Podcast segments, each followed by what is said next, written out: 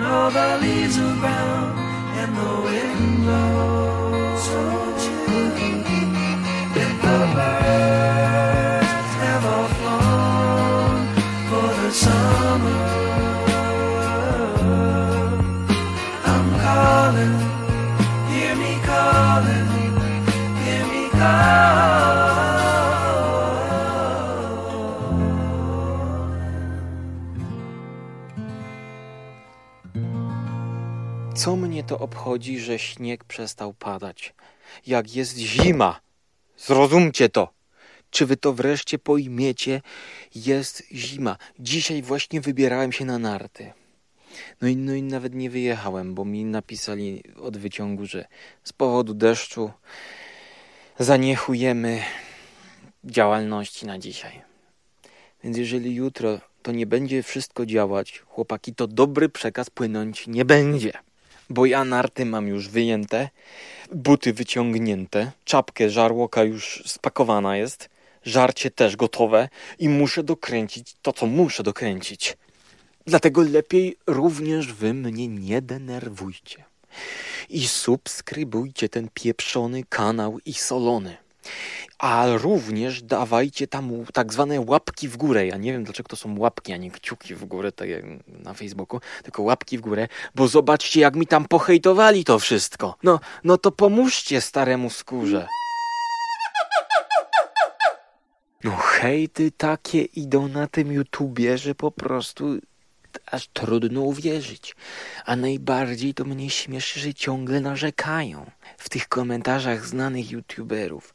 E, panie, daj spokój, kiedyś, kiedyś to było. Kiedyś to się oglądało tych youtuberów. Teraz sprzedali się, panie, sprzedali. Tak jak ten Martin ostatnio w audycji. Kiedyś to były gry.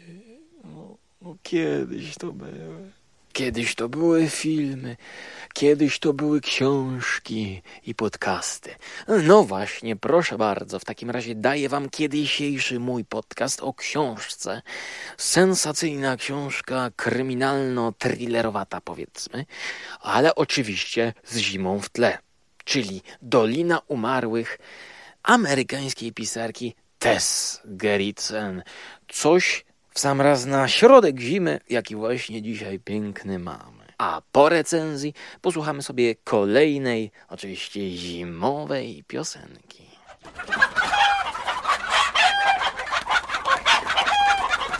Uwaga!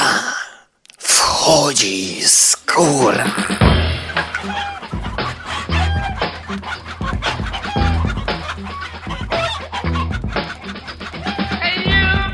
Tak, słucham, to ja.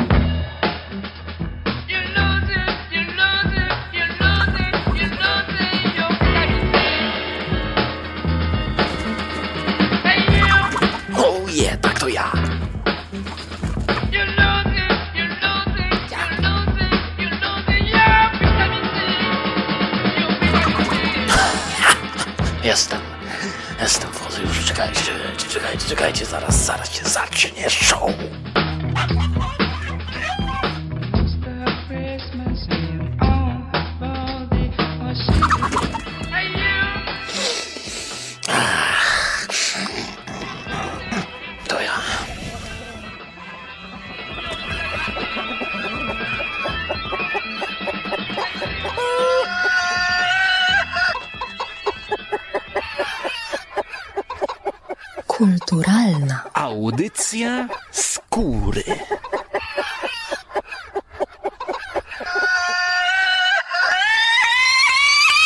Dobry wieczór.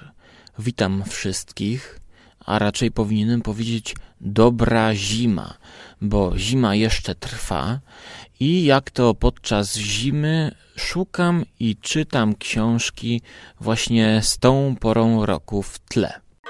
Przechadzałem się po jednej księgarni w obrębie półek z kryminałami, szukałem czegoś nowego, co by mnie mogło zachęcić i widzę pewną autorkę Tess Gerritsen. To była półka sąsiadująca ze Stephenem Kingiem, czyli takie lżejsze kryminały obok Cooka, Cobena. Pierwsze, co zainteresowało mnie, to tytuł. Dolina Umarłych. Już oczyma wyobraźni widziałem ekranizację George'a Romero. Valley of the Living Dead.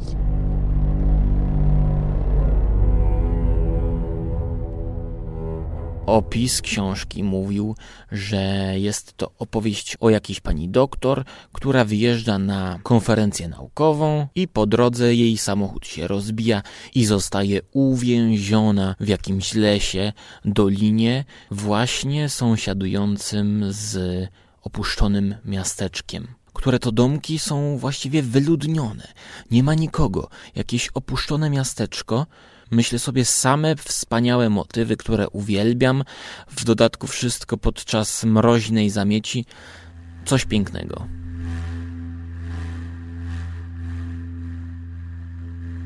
Kiedy przejrzałem jeszcze inne tytuły, stwierdziłem, że ten najbardziej mnie intryguje. I przy okazji zobaczyłem dziwną zależność, że na okładkach książki tej autorki z wydawnictwa Albatros możemy właściwie zobaczyć ciało nagiej kobiety w przeróżnych konfiguracjach. Lędźwie, yy, nogi kobiety, kobieta leżąca w stanie embrionalnym tyłem do widza, goła ręka kobiety nawet, kobieta leżąca w stanie embrionalnym przodem do widza, kark kobiety, szyja kobiety, czaszka. No, podejrzewam, że to czaszka właśnie byłej kobiety. A kiedy zajrzałem na tył książki Dolina Umarłych, zobaczyłem cytat ze Stephena Kinga. Że w domu Stephena Kinga czyta się każdą nową powieść Tess Gerritsen. No to ja, jako fan Stephena Kinga, nie mogłem odpuścić takiej okazji, żeby swój dom chociaż w ułamku procenta uczynić podobnym do domu Stephena Kinga. Wobec czego musiałem kupić tę powieść, żeby ją przeczytać dokładnie tak, jak robi to Stephen King i jego rodzina w Ameryce w stanie Maine.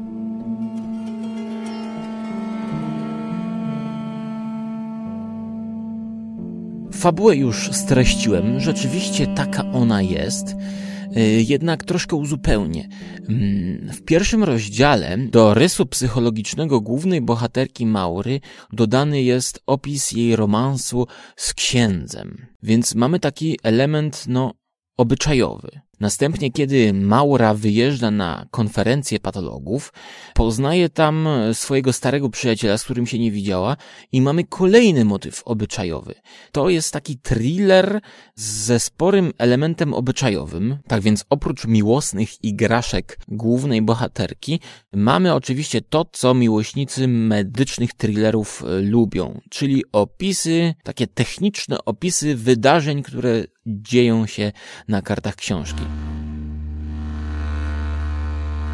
Kiedy Maura decyduje się z tym nowo poznanym starym przyjacielem wyjechać na jakąś wycieczkę w góry, to poznajemy kolejnych znajomych tego znajomego, więc mamy kolejny element obyczajowy, ponieważ no coś tam kręcą ci znajomi, a właściwie ta znajoma z tym jego starym znajomym, jakiś trójkąt tam jest, kwadrat, no, no nie wiadomo co. Nie wiemy co tam się wydarzy, ani co tam się dzieje, tak jak właśnie ta Maura, która nie widziała się z kolegą no bardzo długo. W dodatku kolega jest rozwiedziony. Zabiera ze sobą pod pachę ze swoją córkę Grace. No i co? Cała ta gromadka ulega wypadkowi. Właśnie w Dolinie Umarłych. A ja wiem, że część z was pewnie chciałaby tam zawitać, ale niestety nie jest tak milutko, jakby się wam mogło wydawać. To nie jest film George'a Romero. To jest książka Tess Gerritsen. Kiedy próbują wyciągnąć samochód z rowu, nie udaje się to. Tak więc muszą zejść do Doliny Umarłych i zamieszkać. Ha! Całe szczęście znajdują tam następny samochód, który udaje im się wyciągnąć z garażu i udaje się go uruchomić, ale nie udaje się go wyprowadzić z tej Doliny Umarłych, ponieważ jest tyle śniegu, że nikt nie ujdzie żywo z Doliny Umarłych. Jeden z tych znajomych znajomego naszej Maury, no niestety ma kiepski wypadek. Jego noga zostaje zmasakrowana. I jest problem, ponieważ facet może się wykrwawić, a no pomoc raczej nie nadejdzie. I nasi bohaterowie próbują coś z tym zrobić. A więc stary znajomy znajomej, znajomej, znajomej wyrusza na poszukiwanie pomocy niestety nie wraca. Teraz nasza bohaterka musi działać. Sama bierze sprawę w swoje ręce i wyrusza na poszukiwanie pomocy. Do tego momentu czyta się to całkiem nieźle. Jest narracja sprawnie poprowadzona, ale jest pewne ale. Otóż największym błędem tej książki jest to, że w połowie pisarka zaczyna rozrzedzać fabułę. Porzuca główną bohaterkę, Maurę, z którą jesteśmy zżyci. Ona próbuje przetrwać w lodowatej dziczy, w jakichś lasach, dolinach, no i nagle musimy przejść do miasta i obserwować wątek poszukiwania głównej bohaterki przez jej znajomą czy kogoś z rodziny. A największą wpadką jest to, że od początku poszukiwania zagubionej idą po złym tropie. Czyli no, nie ma żadnego suspensu, ponieważ wiemy, że wątek poszukiwań musi skończyć się fiaskiem. Dopiero kiedy dojdą do ściany, będą mogli zmienić tory poszukiwania, dopiero być może później ją znajdą. No i tak też się dzieje. Przez ten zabieg nie dość, że tracimy kontakt z główną bohaterką, nie ma ża żadnego suspensu, cała fabuła jest rozrzedzona niepotrzebnie i robi się z tego takie czytadło, czyli po prostu czytamy dla samego czytania. Wydarzenia, o których czytamy, nie wnoszą nic nowego do obrazu, czy to właśnie postaci. Jesteśmy cały czas w tym samym miejscu. A kiedy autorka decyduje się jednak już pójść dalej, to machnięciem ręki, czy być może machnięciem kilku palców na klawiaturze, kiedy pisała tę książkę, uśmierca no połowę bohaterów. Uśmierca połowę bohaterów po to, by za kilka stron zapoznać nas z nowymi bohaterami i pokazywać budowę kolejnych relacji naszej głównej zagubionej postaci z tymi nowymi bohaterami. W dodatku Mam tutaj na myśli takiego małego, biednego chłopczyka, którego ona spotyka. W dodatku ten chłopiec ma takiego słodkiego, wspaniałego pieska. Są to relacje tak patetyczne, no tak grubymi nićmi szyte, żeby właściwie czytelnik no już serce wyjął i pokroił sobie na tacy i musiał powiedzieć sobie, że taka historia, no jest ona niesamowita, taka sensacja, takie emocje, chwyta mnie to za serce. No jednak mnie to za serce nie chwytało. Wręcz przeciwnie. Sam chwyciłem się za głowę, zastanawiając się, co ja czytam. Myślę, że Tess Gerritsen straciła możliwość napisania prostego, ale dobrego thrillera, który gdzieś może jakoś by nawiązywał do Fargo, no ale tego nie robi. Chociaż nie, nie, nie. Fargo to jest coś zupełnie innego.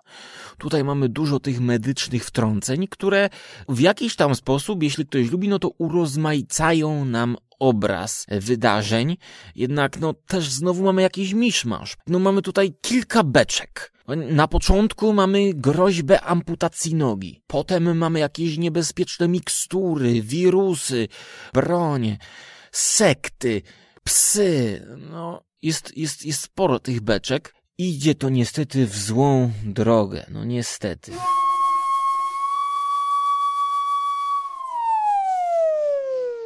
Moja końcowa ocena to byłoby 5 na 10, czyli coś dla fanów gatunku. Coś dla fanów gatunku thrillera medycznego, a także dla miłośników śniegu. Ja bardzo lubię ten okres i wszystko, co jest z zimą w tle, powinno do mnie bardziej przemówić i patrzę na to przychylniejszym okiem. No jednak tutaj nie udało się. Chociaż no też nie będę taki bardzo negatywny, ponieważ całą pierwszą połowę książki czytało mi się bardzo dobrze. Szybko, z pewnym napięciem i oczekiwaniem, jak rozwiąże się ta sytuacja. No jednak tytuł Dolina Umarłych do czegoś zobowiązuje. Na pewno nie do tego, żeby najpierw, żeby do doliny zawitać, a potem z niej szybko uciec w jakieś łzawe kawałki. Kiedy po skończeniu lektury zobaczyłem zagraniczną okładkę tej książki, zauważyłem, że jest tam taka miniaturka Isles and Rizzoli, czyli jest to seria książek z bohaterkami Maurą Isles i Jane Rizzoli, o czym zupełnie nie wiedziałem i książkę czytałem bez tej wiedzy, że jest to kolejna część opowieści o dwóch koleżankach, kumpelkach czy kogoś z rodziny. No już, już nie pamiętam, jakie one miały za sobą związek, nieważne. Oceniłem tę książkę jako osobny twór. I tutaj widzę ten pewien niuans. Być może ktoś, kto wiedział, że jest to kolejna opowieść o tej i tej drugiej pani, no to oczekiwał już w połowie, że pojawi się ta druga, która będzie szukać tej pierwszej. No, pojawienie się tej drugiej dla mnie było przeszkodą do fascynowania się podróżą przez ośnieżone tereny tej pierwszej. Tak więc, czy wy jesteście tymi, którzy znają już tę serię i być może bardziej się przypodoba ta część, czy być może jesteście tymi drugimi, czyli w tej grupie, która nie wie w ogóle, co to za kobiety są, no to możecie mieć problemy z tą książką. Natomiast, czy Stephen King miał taki problem, no to ja nie mam bladego pojęcia, ponieważ uświadomiłem sobie, że właściwie Stephen King nie powiedział mi z tyłu okładki, czy on lubi te książki. On mi właściwie powiedział tylko, że on czyta wszystkie kolejne książki Tess Gerritsen. No nie wiem, być może on czyta je z obowiązku, być może jego wydawca pewnego dnia przyszedł do niego, przystawił mu strzelbę do głowy i powiedział jeżeli nie będziesz czytał każdej następnej książki i nie będziesz o tym informował wszystkich dookoła, to ta strzelba wystrzeli. Tak więc, no, Stephen King, nie dziwię mu się. Na jego miejscu zrobiłbym to samo. Czytałbym wszystkie książki Tess Gerritsen. Swoją drogą, ciekawe ile on dostaje za takie wyłuszczenie swojego nazwiska na okładce. Jak myślicie? Więc dziękujcie Bogu, że nie jesteście Stephenem Kingiem i nikt do was nie przychodzi przystawiać wam strzelby do głowy, zmuszając do czytania książek Tess Gerritsen. No, widzicie, mnie to nie pomogło, bo mnie nawet strzelby nie trzeba było przystawiać. Ach, no, ale, ale tak to jest, jak jest się fanem Stephena Kinga.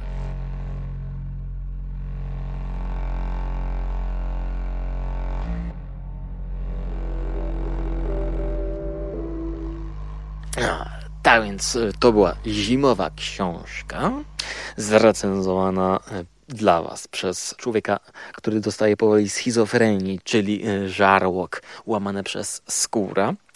I, I właśnie na koniec piosenka taka, no jeszcze bardziej taka vintage. Tutaj mamy nawet takie charakterystyczne elementy tamburynowo-perkusyjne rodem z Jingle Bells, ale to nie jest kolenda, to jest o zimie piosenka. To jest taka piosenka na zimową noc, czyli Song for a Winter's Night, śpiewane przez Gordona Lightfoota.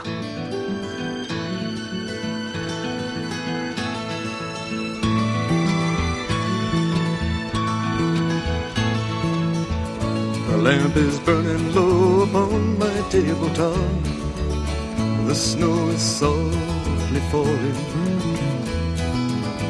The air is still in the silence of my room. I hear your voice softly calling. If I could only have you near to breathe a sigh or two. I would be happy just to hold the hands I love on this winter night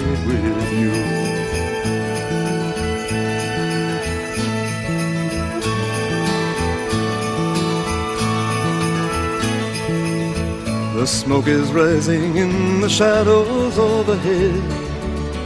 My glass is almost empty. I read again between the lines upon each page the words of love you sent me. If I could only have you near to breathe a sigh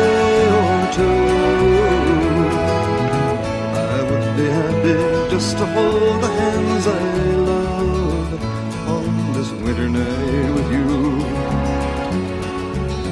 and to be once again with you.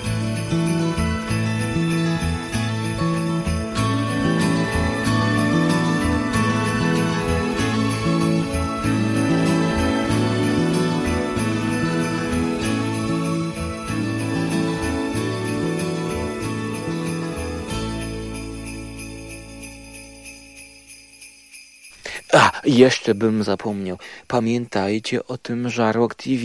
Ja was proszę. No przecież każdy z was ma rodzinę, prawda? A w tej rodzinie na pewno macie jakiegoś żarłoka, takiego grubasa, który lubi wcinać wszystko. Wyjdziecie, on wam zje nawet koszulę. To jest telewizja właśnie dla niego. Powiedzcie mu. No, a ja już mam opóźnienia. Z- z- Zobaczcie, opóźnienia są, bo miałem puścić kolejny, ostatni już, dzięki Bogu, trailer, nawiązujący do filmu Chłopaki nie płaczą. I co? No i co? No i sprawa się rypła. Jak to nosił tytuł bodajże Barei, stary polski film komediowy. Nie, nie, to chyba nie był Bareja. No mniejsza o to, mniejsza o to. Ale będzie w tym tygodniu. Dlatego słuchajcie, słuchajcie. Słuchajcie, już, już się mnie nie da słuchać. Więc do zobaczenia. Cześć.